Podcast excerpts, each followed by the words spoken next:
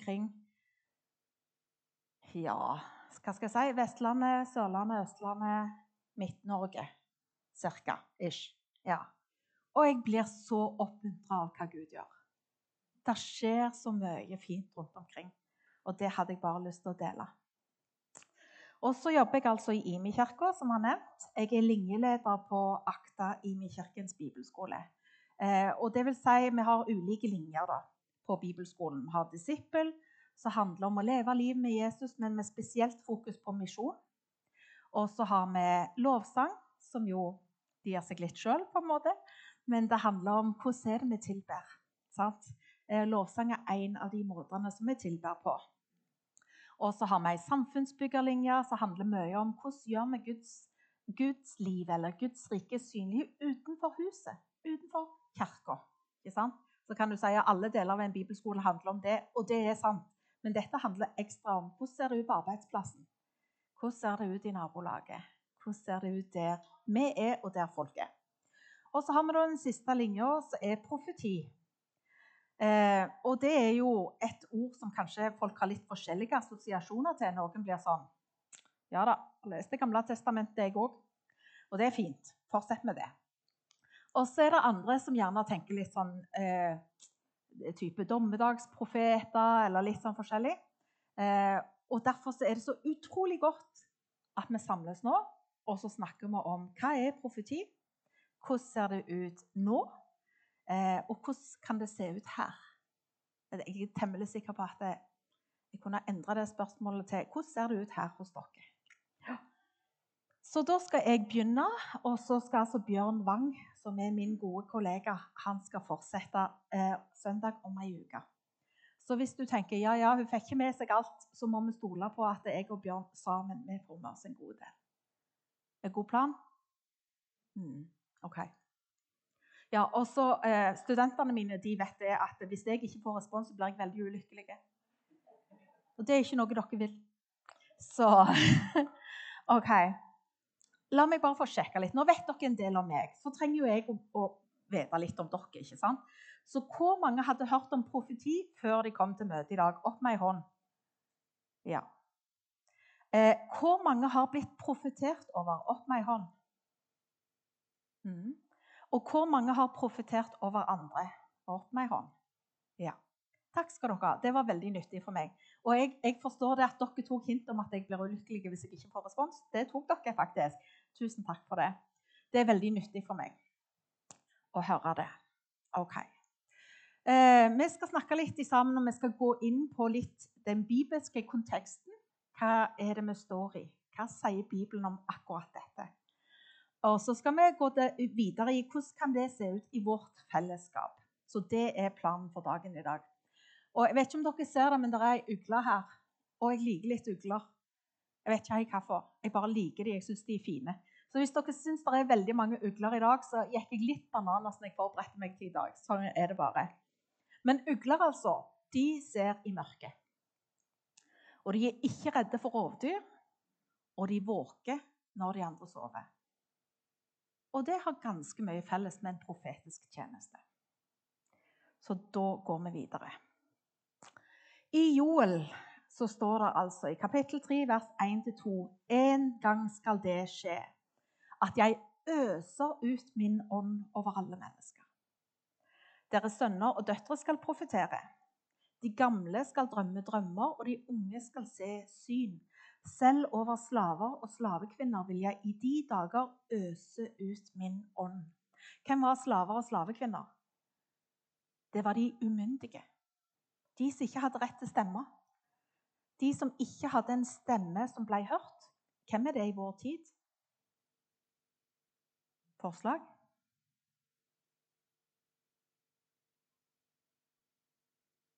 Hva med ureturnerbare asylsøkere?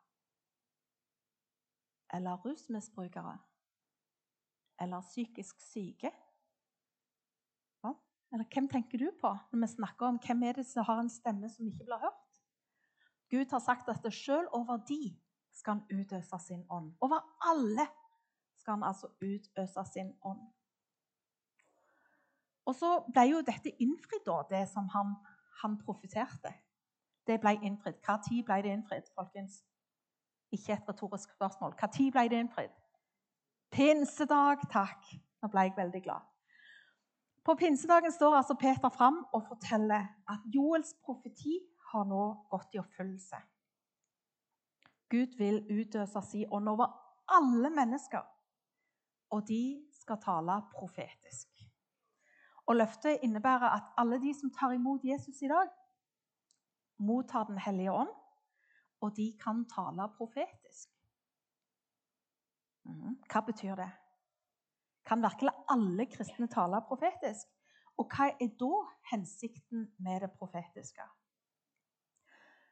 Hvis vi går tilbake og ser på hva er meningen med ordet profeti, så er det altså å si ut et budskap eller informasjon som en har mottatt gjennom guddommelig åpenbaring. Det er altså ikke noe som du vet av deg sjøl. Det er ikke noe du kan tenke deg til eller studere deg fram til. Det er ikke ditt, liksom, din kraftige respons på noe som du ser i samfunnet. eller Det er ikke det som er profeti. Men profeti i denne sammenheng det er altså å si ut et budskap som en har mottatt fra Den hellige ånd. Og Det kan altså omhandle fortid, nåtid og framtid. Det kan være sånn at det som sies, gjerne handler om noe som har skjedd, eller situasjonen du står i, men det handler òg om noe som ligger foran. Noe som en faktisk ikke kan vite noe om. Og I Gamle testamentet, da, hvis vi begynner å sortere litt på hva, er profeti, hva var profeti før, og hva er det nå, så var det sånn at i Det gamle testamentet så fungerte profetene som Guds talerør. Det var de og prestene som hadde Den hellige ånd, eller som hadde eh, adgang til Gud. Og det var ofte de som formidla Guds ord til israelittene. I den nye pakt så er vi alle et hellig presteskap. I det tida etter korset så er det sånn at alle vi som har tatt imot Jesus, er et hellig presteskap. Alle som har tatt imot Jesus, og som har blitt Guds barn, har tilgang til Faderen. Alle. Jesu død på korset ga oss adgang til Gud. Og Gud skapte oss til fellesskap med seg. Han ønska en relasjon med menneskene. Og Så kom syndefallet ikke sant? og skapte en avstand mellom Gud og mennesket. Men Moses han hadde fått møte Gud ansikt til ansikt. Han visste hva det ville si å ha et vennskap med Den hellige. Og det var han som sa i 4. Mosebok 11,29.: Om bare alt Herrens folk var profeter, måtte Herren gi dem alle sin ånd. Og I et lite øyeblikk der så får Moses innsyn i Guds hjerte. Så ser han hva som er Guds vilje, hva som er hans hensikt. Han ønsker å utøse av seg sjøl og gi alle sin ånd. Og Paulus sier, 'Jeg skulle ønske at dere alle talte i tunger, men enda mer at dere talte profetisk.' Og Da Jesus tok vår straff, så ble veien bana for at vi alle kunne ha en relasjon til Gud. Og Paulus han har altså da fått erfart denne relasjonen til Gud. Hvor det ikke bare er sånn at vi snakker med Gud, men han snakker med oss. Han snakker til oss og forteller oss hemmeligheter. Til oss, men òg til verden rundt oss.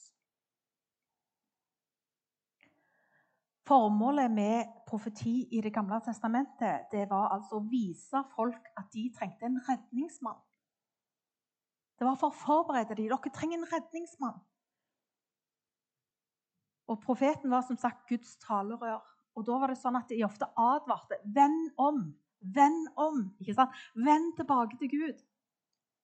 Men det er viktig for oss å vite at selv advarslene var drevet av kjærlighet. De var drevet av Guds kjærlighet, der han kalte folket tilbake til seg. Og Det var derfor han ba profetene advare folket. Og Helt fra syndefallet så hadde altså Gud denne planen for å frelse verden. Og Det er mange skriftsteder i Det gamle testamentet som henviser til Messias. ikke sant? Jeg er temmelig sikker på at dere kjenner til dem fra Jesaja 9,6 eller Zakaria 9,9. Det er flere som viser, som peker på Messias som skal komme, som skal komme opp av, som et rotskudd av Isai. Mens Jesu død på korset markerer altså et paradigmeskifte. Et paradigmeskifte betyr at det ikke er de samme reglene som gjelder lenger. Sant?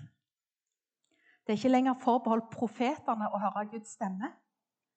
Men alle troende kan høre Gud og profetere. Er passe store endring, det. Hæ? Hva er da hensikten med det profetiske i nytestamentlig tid? Hvis det er sånn at alle Jesus-etterfølgere kan tale profetisk, hva er da poenget? Paulus sier for dere kan alle tale profetisk, men en om gangen, slik at alle kan lære og alle blir oppmuntret. Og Jeg vet ikke hvordan det er for dere, men jeg vokste opp på Klepp, midt på Jæren. Og der var det sånn at Hvis vi skulle høre noe fra Gud, så venta vi på han som hadde gaven. Han er ikke her i dag, vi kommer nok ikke til å høre noe fra Gud. Men her står det altså at alle, dere kan alle tale profetisk. Alle kan vi motta budskap fra Gud, og alle kan vi gi dem videre. Og den som taler profetisk tale for menneskene. Det er oppbyggelse, formaning og trøst, står det i 1. Korinterne 14. Hvis du har lyst til å lese mye om, om profeti og hvordan det ser ut, så les pløy igjennom 1. Korinterne 14 mange, mange ganger. Det er et av flere steder så det står mye om det. Den som taler profetisk, taler for menneskene til oppbyggelse, formaning og trøst. Merker du deg at det ikke står dom?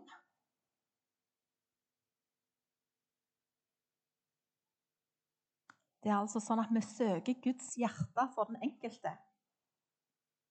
Og Hvis du er usikker på hva det er Alle kan vi, eller iallfall mange kan eh, Johannes 3, 16, For så høyt elsker Gud verden at han sendte sin sønn den enbårne for at hver den som tror, ikke skal gå fortapt, men ha evig liv. Og hva står det i vers 17? Gud sendte ikke sin sønn til verden for å dømme verden, men for at verden skulle bli frelst ved ham. Det er ganske sterkt. Eh, I en annen engelsk oversettelse så står det litt sånn lettoversatt Gud tok ikke bryet med å sende sin sønn til verden for å rette en anklagende pekefinger. Betyr det at Gud tar lett på synd? Nei. Det gjør det ikke, for han er hellig, men han er drevet av kjærlighet. Og det vil vi òg være. Så hvordan er det da Gud snakker med oss? Her står det ei liste. Du kan bare slappe av, så skal jeg gå gjennom hver en av de. Vi skal bruke litt tid på dette. Viktigste måten som Gud snakker til oss på, det er altså gjennom Bibelen. Guds ord. Kjempeviktig. Og Hvis du tenker å ja, så skal vi nå bare lytte til Gud, skal vi ikke lese Bibelen? Bibelen er kjempeviktig. Helt enig. To streker under svaret. Og alt det du måtte høre eller se eller erfare på noen annen måte, prøv det på Bibelen. Hva vil det si? Det vil si at vi går til Bibelen, og så sjekker vi stemmer det som vi ser og hører, overens med Guds karakter, sånn som han presenterer seg i sitt ord. For den viktigste åpenbaringen vi noensinne kan få av Gud, er gjennom Bibelen. Det er der han forteller om seg sjøl og viser hvem han er. Så vi vil prøve alt annet på det. Det er altså sånn at Kristus døde for verden. Vi er ganske flinke til å si at han døde for deg. Han døde for deg. Det er helt sant. Han døde for verden. Og Det gjorde han for at hver og en av oss skal ha en personlig relasjon til Gud. Men han døde òg for naboen din, for arbeidskollegaen din, for kompisen på treningen, for ektefellen din. Mange av de vet ikke om det ennå. Og de venter på at noen skal vise dem den åpne døra til Gud. Så Bibelen kjempeviktig. Der blir vi kjent med Gud og hans karakter. Så kan det òg være at vi hører ting. Det kan være at vi plutselig begynner å tenke på noe som vi føler at vi hører nesten som noen kvisker til oss. Det er sjelden at du hører liksom megafonstemme, men du hører kanskje en liten stemme. Så bare minner deg om noe, så du snur deg og tenker Er det noen der? Nei. Det var inni hodet. OK. Og det er en av flere måter som Gud kan snakke til oss på.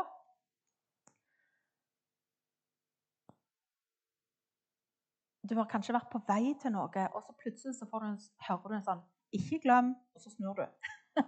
ikke sant? Det er forskjellige måter som Den hellige ånd kan snakke til oss på. Og vi vil lære å kjenne igjen når er det han som snakker til oss, og når er det bare noe vi tenker sjøl. Men jeg er temmelig sikker på at sauene, første gangen de møtte hyrden, så visste ikke de at han var god. Men når de tilbrakte tid sammen med ham, så lærte de å se å ja, det er han som leder meg til vann. Det er han som gir meg mat. Det er han som beskytter meg. Det er han som har omsorg for meg. Og på samme måte, når vi tilbringer tid sammen med hyrden, så blir vi mer og mer vant med å høre hans stemme. Dere er veldig stille. Går det greit med dere? Går det greit? Okay. Det går òg an å se. Og hvis vi tar det som er vanligst først, da eh, Det er jo ja, vet du hva, Jeg skal gå tilbake til den høra en gang til. Fordi at, jo, Det er riktig at vi kan stort sett oftest høre det inni oss. på en måte. Men noen ganger så kan vi høre det høyt òg. Har dere noen eksempler i Bibelen på det? Der Gud talte med hørbare stemmer? Samuel sa han. Tal, Herre, din tjener hører. Hvem her? sier, hva for et eksempel, da?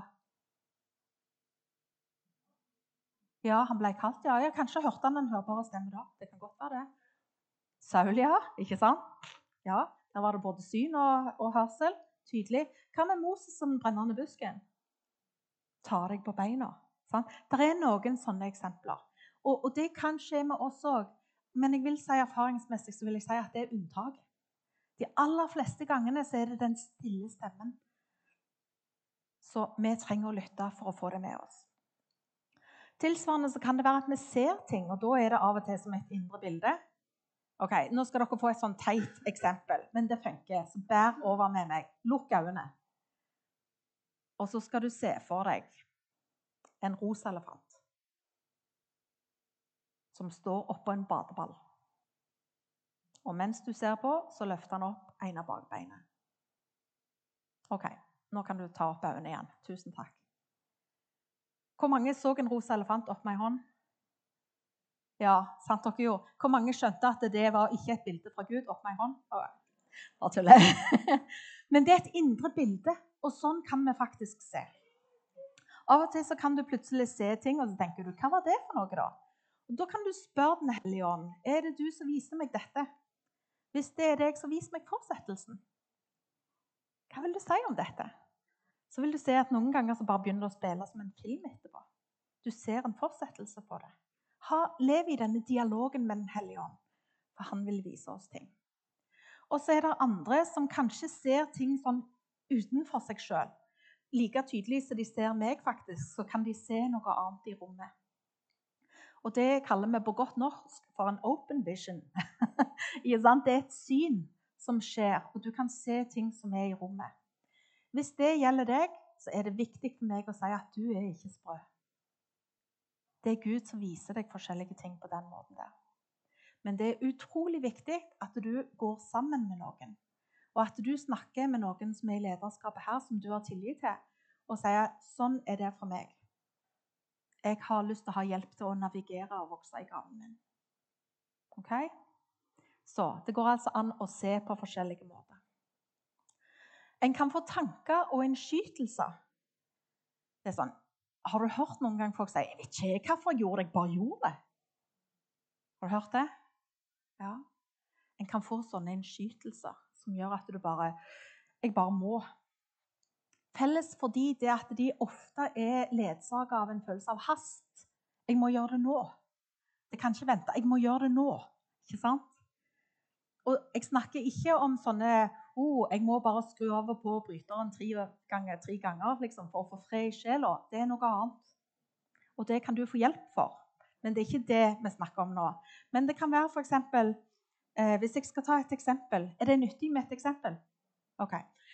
Ta et eksempel som ligger litt tilbake i tid, når vi hadde hustelefoner. Der kom en, et ungt par eh, kjørende til Sandnes fra en annen landsdel.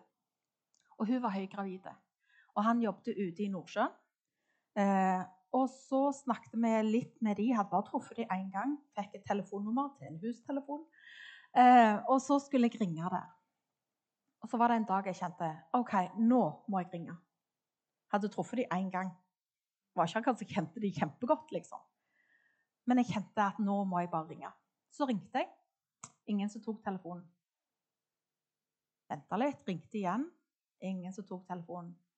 Prøvde igjen og kjente nå må jeg kjøpe babytøy og blomster. Og jeg ut, kjørte av gårde på det tidspunktet så eh, Thomas og jeg vi var nygifte. Dette her er altså mange år siden. Men jeg visste det at hvis jeg går og kjøper babyklær og blomster, så spiser vi spagetti med ketsjup resten av uka. Sånn var det. Eh, men jeg kjente det var så utrolig viktig. Så vi, eh, jeg tok av gårde, fikk kjøpt babyklær, fikk kjøpt blomster, kom inn på sykehuset. Det var på det tidspunktet når du kunne gå til skranken og spørre hvilket rom de var på. Sant? Der og jeg kjenner etter hvert som jeg er på vei Jeg kjenner jeg blir så flau bare jeg snakker om det. Forstår du? Jeg følte meg så liten. Oh. Det kosta virkelig. Og jeg tenker Nå har du fått høre at hun er her, men hvem er du som driver og trenger deg på noen som ligger på barsel? Det er ikke akkurat som du har blitt invitert til heller. Hva holder du på med? Bare helt sånn. Går bort gjennom gangen og er bare Jeg blir liksom litt mindre og mindre og mindre for hvert steg banker på døra. Kom jeg inn, så sier hun 'Kommer du her?' Jeg bare 'Ja, jeg kommer her'. Så begynte hun å grine. Og hun hadde akkurat blitt frelst. Så sier det 'Mannen min rakk ikke tilbake fra fødselen, eh, eller fra Nordsjøen til fødselen.' Og jeg kjente meg så alene, og jeg sa til Gud 'Hvis du finnes, så må du sende noen'.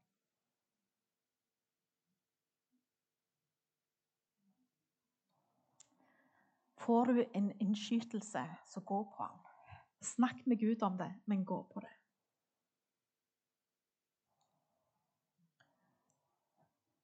Gud har jo skapt oss da, med alle sansene våre, og han kan bruke dem akkurat som han vil.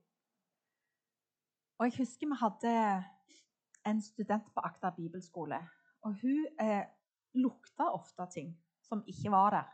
Vi andre kunne bekrefte at de var ikke der. Men hun, hun hadde oppdaga det på videregående at plutselig kjente hun lukta av eh, spagetti med kjøttboller. Og så visste hun ja, da skal vi ha med det til middag i dag hjemme et helt annet sted. Og så kan du tenke i alle dager, skulle liksom Gud snakke noe om middagen? Hva var vitsen med det? Men du vet, hvordan er det vi lærer ungene våre å snakke? Vi begynner jo. Vi leker oss fram til kunnskap. ikke sant? Er ingen av oss står der med toåringen og sier i dag skal jeg lære deg om hva vektstangprinsippet er. Vi gjør jo ikke det. Vi leker det inn. Hvis du har gjort det, så er det greit. Det er tilgivelse for deg. Men det er ikke sånn det skal gjøres. Jeg bare tuller. Um, men sånn er det med Gud òg. Han gir oss anledning til å øve oss. Og det er ingen skam i det. Det er tvert imot fantastiske muligheter i det. Så hun begynte å kjenne igjen dette. Og så kunne hun kjenne igjen senere Mm, kjenner lukt av det. Det spiste vi der og der og der. Og, og, og ja, jeg husker de. Jeg tror vi ringer til de. 'Hei, du, jeg opplever at Gud minner meg om deg. Stemmer det?' Ja. Er ikke kult?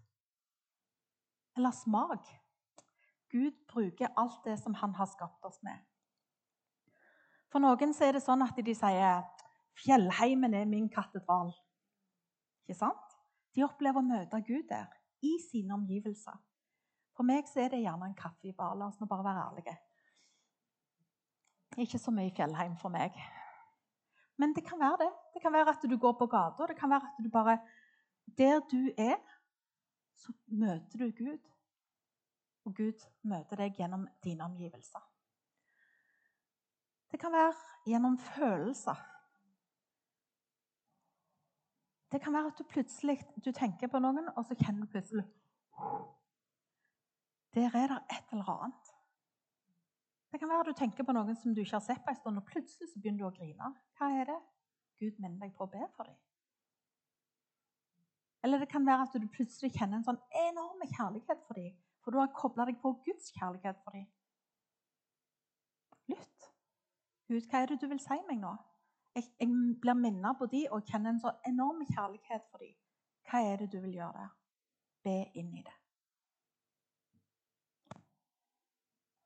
Det kan være at en får kunnskapsord. At en blir minnet om et eller annet som, som en ikke har forutsetning for å vite. Det kan være forskjellige ting. Um, det kan være at en plutselig kjenner en smerte. Jeg hadde ei som kom på impuls, en ungdom. Og Hun gikk på en videregående skole eh, der de ikke snakker så mye om en overnaturlig gud, for å si det sånn.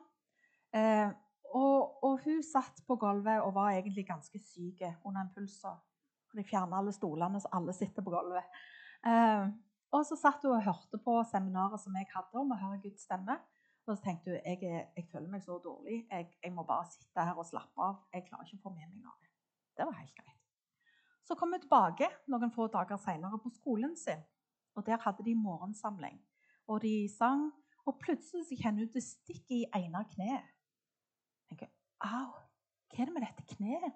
Jeg har jo ikke hatt vondt før, men det, liksom, det stikker sånn fra ondsida opp inn mot midten. Det er sånn veldig vondt, liksom. Så vidt jeg kan stå på, på beina, tenkte hun.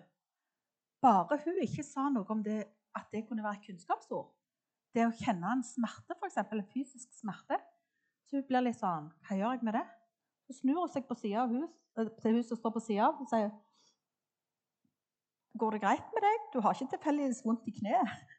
Jo, sier hun. Jeg har knallvondt i kneet. Det stikker liksom fra under, altså opp i midten. Jeg fatter ikke hvor det kommer ifra. Ok, Men jeg, jeg kjente nettopp på det. Jeg lurer på om Gud egentlig sier at han vil helbrede deg. Kan jeg bare be for deg? Ja, sier hun. Så ber hun, da. For dette kneet som Gud har minnet om. Og klassevinneren blir helbreda sånn som det. ikke det fantastisk? Nydelig. Og vi øver oss og vi vil skape trygge treningsarenaer der vi kan prøve og feile. For det er sånn vi lærer.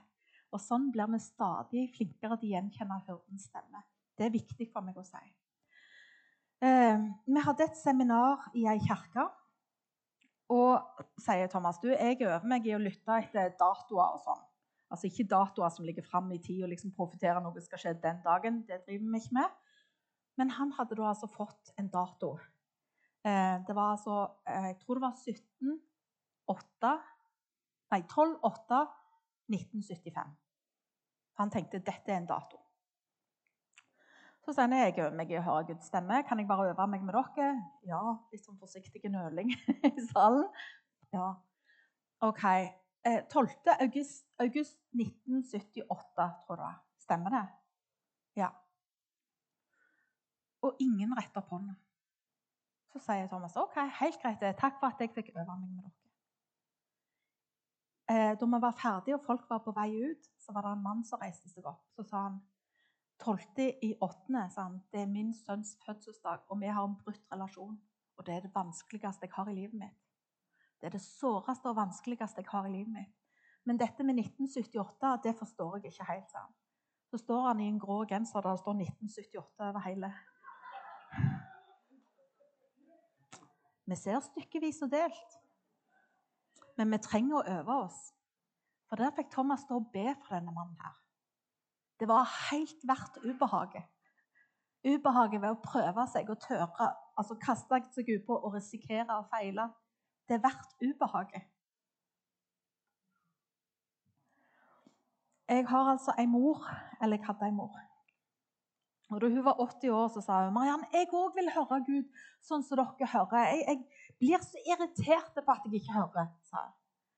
Så sa jeg, vet du hva, mor, jeg kjenner deg. Du sitter og ber ved kjøkkenbordet ditt flere timer hver dag. Jeg vet at du hører Gud, Og hadde ikke du gjort det, så hadde du aldri kunnet leve sånn som du lever. Så jeg vet at du hører Gud. Jeg hører ingenting. Så hadde det ikke vært for alle disse sangene som tyder, så hadde jeg kanskje hørt noe. Hvordan tror du Gud snakket til min mor? Sanger. Han snakket gjennom sanger. Og da hun lærte seg å gjenkjenne det Når hun begynte å be for noen og hun hørte en sang som kom inn, så visste hun hva hun skulle be. Så tok hun stikkordet fra de sangene hun hørte. Tenk på dere som er tenåringsforeldre. Er det en tenåring der som har en sang gående på repeat sånn ca. 15 ganger i timen? Om igjen og om igjen og om igjen. Og du tenker jeg har gnagsår i øra. Kan han bare skifte sang? kan det være Gud sier noe til han gjennom akkurat den sangen. der. Hold utkikk. Vær med på det Gud gjør. Hvis du merker oh, nå har han hørt på dette for 15. gang denne, denne timen her. Mm, hva er det jeg sier i denne sangen? OK, Gud, nå har jeg stikkordet mitt. Jeg vet hva jeg skal be om. Jeg vet hvordan jeg skal være med på det som du gjør. Og samla så ser dere jo det er ganske mange forskjellige måter som Gud snakker med oss på. Og Dette er bare eksempler. Det er garantert flere. Men det var litt for å prøve å komprimere litt. Utrolig mange måter som Gud snakker til oss på. Og det er ikke sånn at det, ja, det, han er den som hører, og hun er den som ser. og Det er aldri... Det går litt på kryss og tvers, dette her. Og det er også sånn at Når du tenker nå har jeg endelig forstått, nå har jeg kontrollen på Gud, hvordan han snakker til meg, så kan du bare være sikker på at han begynner å snakke til deg på en annen måte. Hvorfor gjør han det? for å gjøre deg avhengig av ham. For du er ikke meint å gjøre dette alene. Du er meint å gjøre det i et fellesskap. Å gå i sammen Hellige Ånd og være drevet av kjærlighet. For Kristi kjærlighet tvinger oss. Vi vet at en er død for alle, derfor er de alle døde. Og han døde for alle, for at de som lever, ikke lenger skal leve for seg selv, men for ham som sto opp og døde for dem. Hva er hensikten med et profetisk ord? Jo, det er at folk skal oppleve seg kjent av Gud og elska av ham. Så hvis du deler et kunnskapsord, og de kjenner igjen oh, Gud ser meg, så sørg for at de opplever seg elska av Gud òg. At det ikke bare er en sånn Big Brother-greie. I know what you did. Jeg vet hva du har gjort. Det er ikke der vi er. Vi gir ikke til dom, gjør vi vel? men til oppmuntring, formaning og trøst. Det er sånn vi deler ut et profetisk ord. Så husk det, bruk det som filter. Hvis du tenker du skal si noe til noen, så spør deg sjøl ok, kommer de til å kjenne seg kjent av Gud og elska av Ham? Og hvis ikke, så vent til du har en måte å si det budskapet på som gjør at de opplever seg kjent av Gud og elska av Ham. Jeg sto og ba for ei dame, og plutselig så viste Gud meg at hun hadde tatt abort. Hva skulle jeg si om det? Skulle jeg si at Gud viser meg at hun har tatt abort? Nei, jeg trengte ikke gjøre det. Det visste hun veldig godt sjøl. Så da måtte jeg spørre Hellige Ånd, hva er det du vil at jeg skal si til hun? Og så hørte jeg helt, helt tydelig Du må si til henne at det er ingenting hun har gjort eller kan gjøre, som gjør at du faller ut av min kjærlighet. Og det var det jeg delte. Og hun brøt totalt i sammen. Betyr det at vi ikke skal si ting som er vanskelige? Jo, det er formaning òg, men det vil jeg si hører hjemme i nære relasjoner.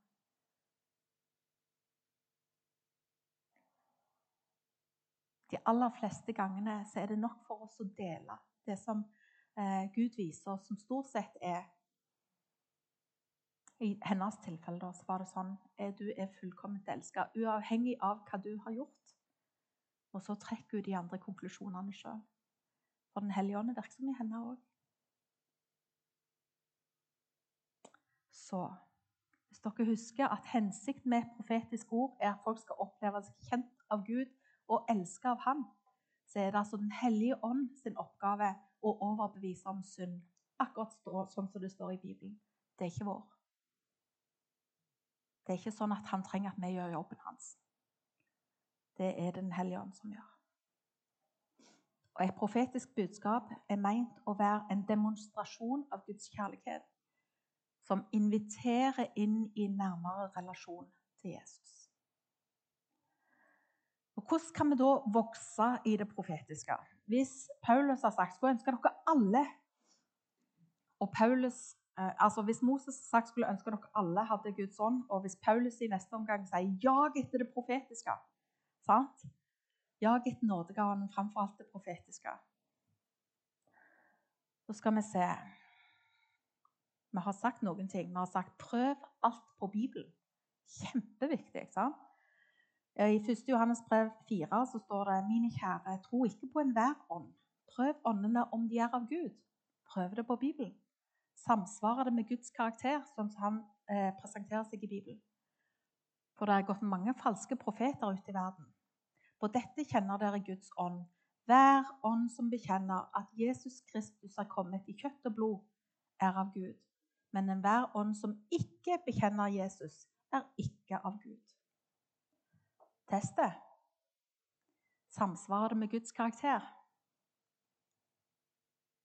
Gir det ære til Jesus? Eller er det jeg som framstår bra i dette? Og Hvis det ikke gir ære til Jesus, så kan vi med frimodighet flushe det ned i do. Vi vil øve oss. 1. Prøve alt på Bibelen. Øve oss. Skape trygge arenaer dere har fellesskapsgrupper og bibelgrupper, har dere ikke det? Ja, Fantastiske arenaer for å øve. Veldig, veldig viktig. Ta imot tilbakemelding. Jeg sier til studentene mine at vi har ikke lov til å drive med sånn profetisk ring på spring. Sånn, jeg gir deg en lapp med et ord, så springer jeg før du rekker å si noe. Kommer aldri til å ta meg igjen. Sånn. Stopp. Spør betyr det noe for deg. Noe for deg. Jeg øver meg på å høre Guds stemme. Kan vi snakke om dette? Viktig. Tilbakemeldinger er viktig. Vis ydmykhet. Det er ikke en sånn 'Jeg er den som hører fra Gud'. Nei. Det gjør vi alle sammen. På forskjellige måter. Og vi trenger hverandre fordi at vi får en større åpenbaring i fellesskapet. Vær takknemlig for tilbakemeldinger, folkens. Det er en gave til oss å få tilbakemeldinger. Og Du kan gjerne føre en logg hvis du vil det. Nå skal jeg gi dere en øvelse, for jeg kan stå og snakke om dette til jeg blir blå i ansiktet. Men jeg vil at dere skal få en øvelse med dere etterpå. Og den vil jeg at dere skal gjøre i fellesskap. Altså i eh, fellesskapsgruppene eller i bibelgruppene, eller der som du er i et lite fellesskap. Og Hvis du tenker jeg går ikke i noe fellesskap, så det er helt greit for meg, liksom. da, da trenger ikke jeg å gjøre det så vil jeg virkelig oppmuntre deg til å være en del av en sånn fellesskapsgruppe. For hvis du vil vokse i din relasjon til Jesus, så trenger du akkurat det. Så jeg skal gå gjennom hele, alt det som står på sida, neste side. Og så til slutt så skal dere få ti sekunder til å ta et bilde av det med mobiltelefon. Dere kan bare vente at vi har gått gjennom. Er det greit? Ja. Hvis dere ser for dere at dere har ei sånn huskirke eller fellesskapsgruppe, og så bestemmer dere altså i fellesskap ok, vi skal lytte til Gud for én person. Og Da er det gjerne en som sier 'jeg vil være først', eller hvis det ikke, så er det bare 'vi begynner en plass'. sånn? Men litt for én. Dette er egentlig I huskirka som vi har hatt, så har vi tatt én person hver gang vi møtes. Funker seg ei kule.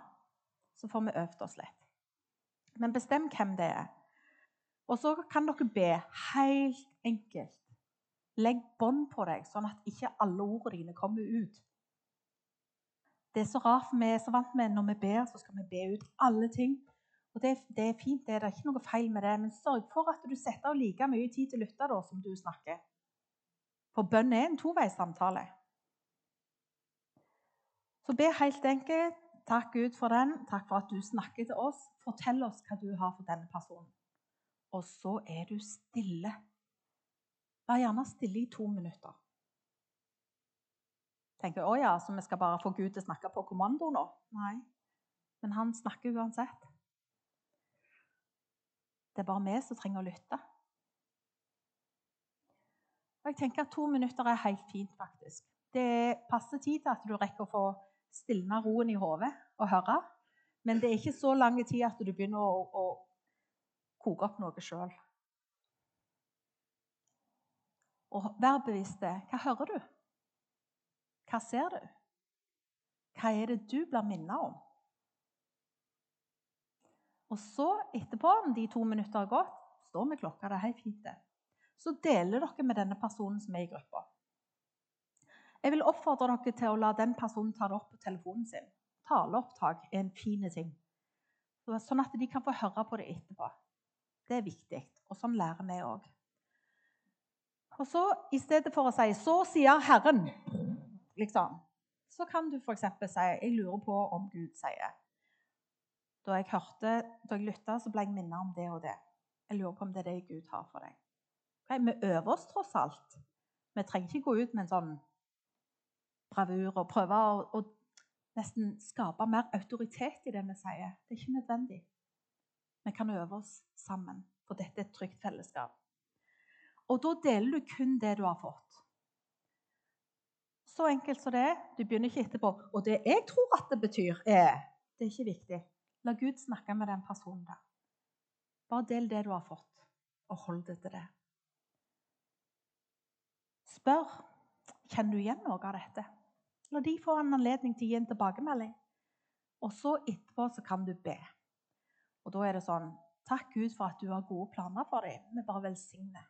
Det er ikke noe sånn 'Og nå ser du det og det', og, og du må bare en, lage en vei og, og, tro om det er utdannelse eller tro om det, det, er ikke, det er ikke viktig. Vi gir det til Gud og velsigner det som han gjør i den personens liv. Nå er jeg gjennom. Vil dere ta et bilde av dette? For dere skal tross alt ha det med dere i gruppen deres. Så venter jeg ti sekunder imens.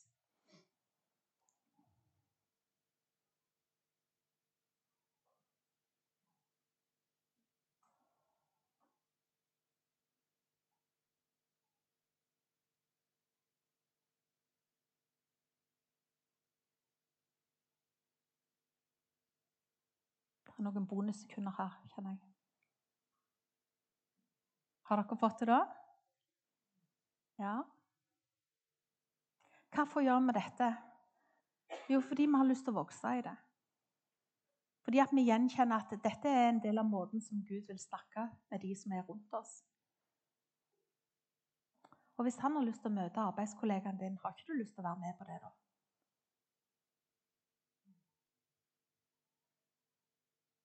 Eller naboen din? eller han på treningen.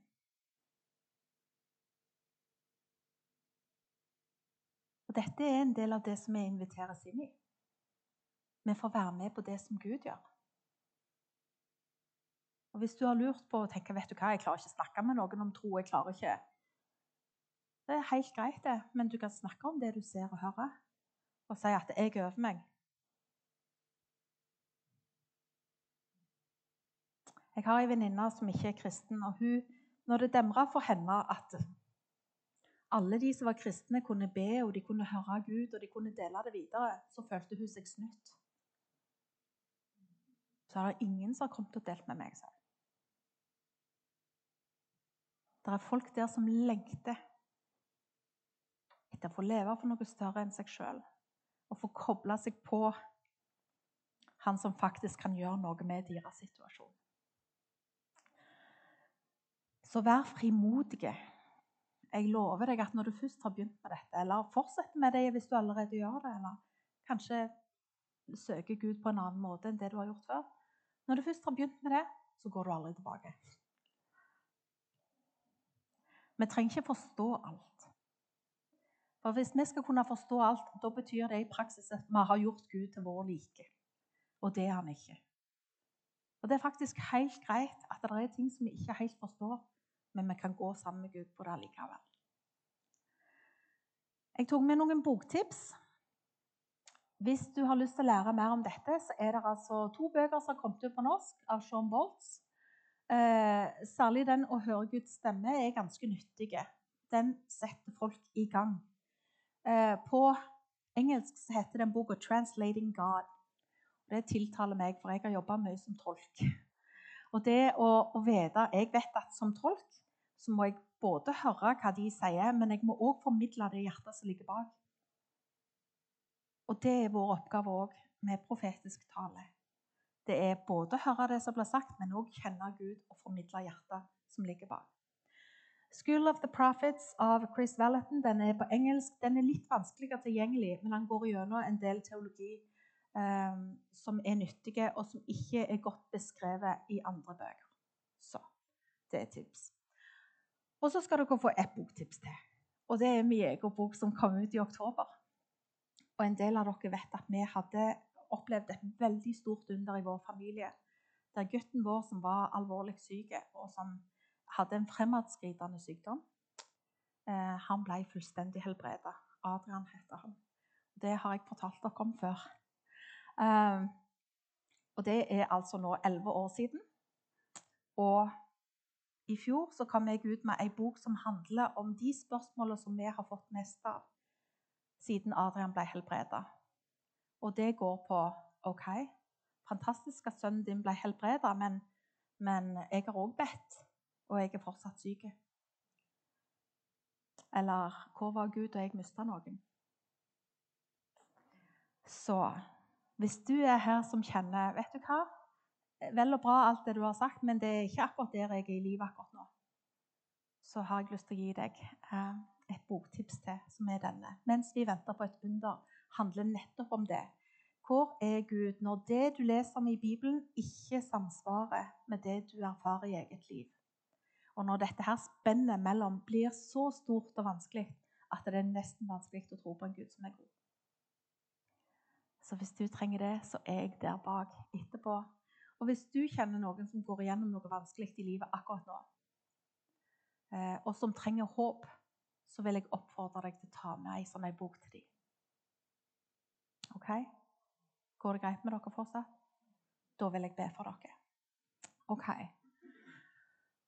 Oh, hvis du kjenner at dette som går på å høre Gud og gi det du hører videre, og, eller se ting, eller å bli leder av Den hellige ånd på forskjellige måter Hvis du kjenner dette lengter jeg etter, dette vil jeg ha mer av i livet mitt, så vil jeg oppfordre deg til å legge hånda di på hjertet ditt.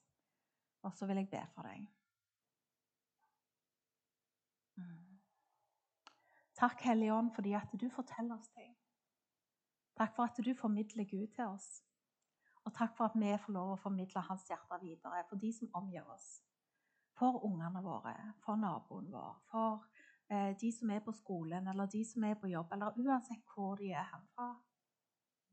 Takk for at vi får være med på det som du vil gjøre i deres liv. Takk for at eh, vi kan stole på at du vil lede oss, og at du vil også gi oss det som vi skal si, eller det som vi skal gjøre. Nå inviterer vi deg, Hellige. Kom. Fortell oss hva som er på Faderens hjerte. La oss få bli ledet av deg, Hellige Ånd. Takk for at vi får være med på det som du gjør, Gud. Så ber jeg om din velsignelse ved hver en av de som er herfra. Gi de drømmer om nettene. Gi de bilder, eller la de høre ting som de kanskje ikke har sett før, eller i mye større grad enn det de har gjort tidligere.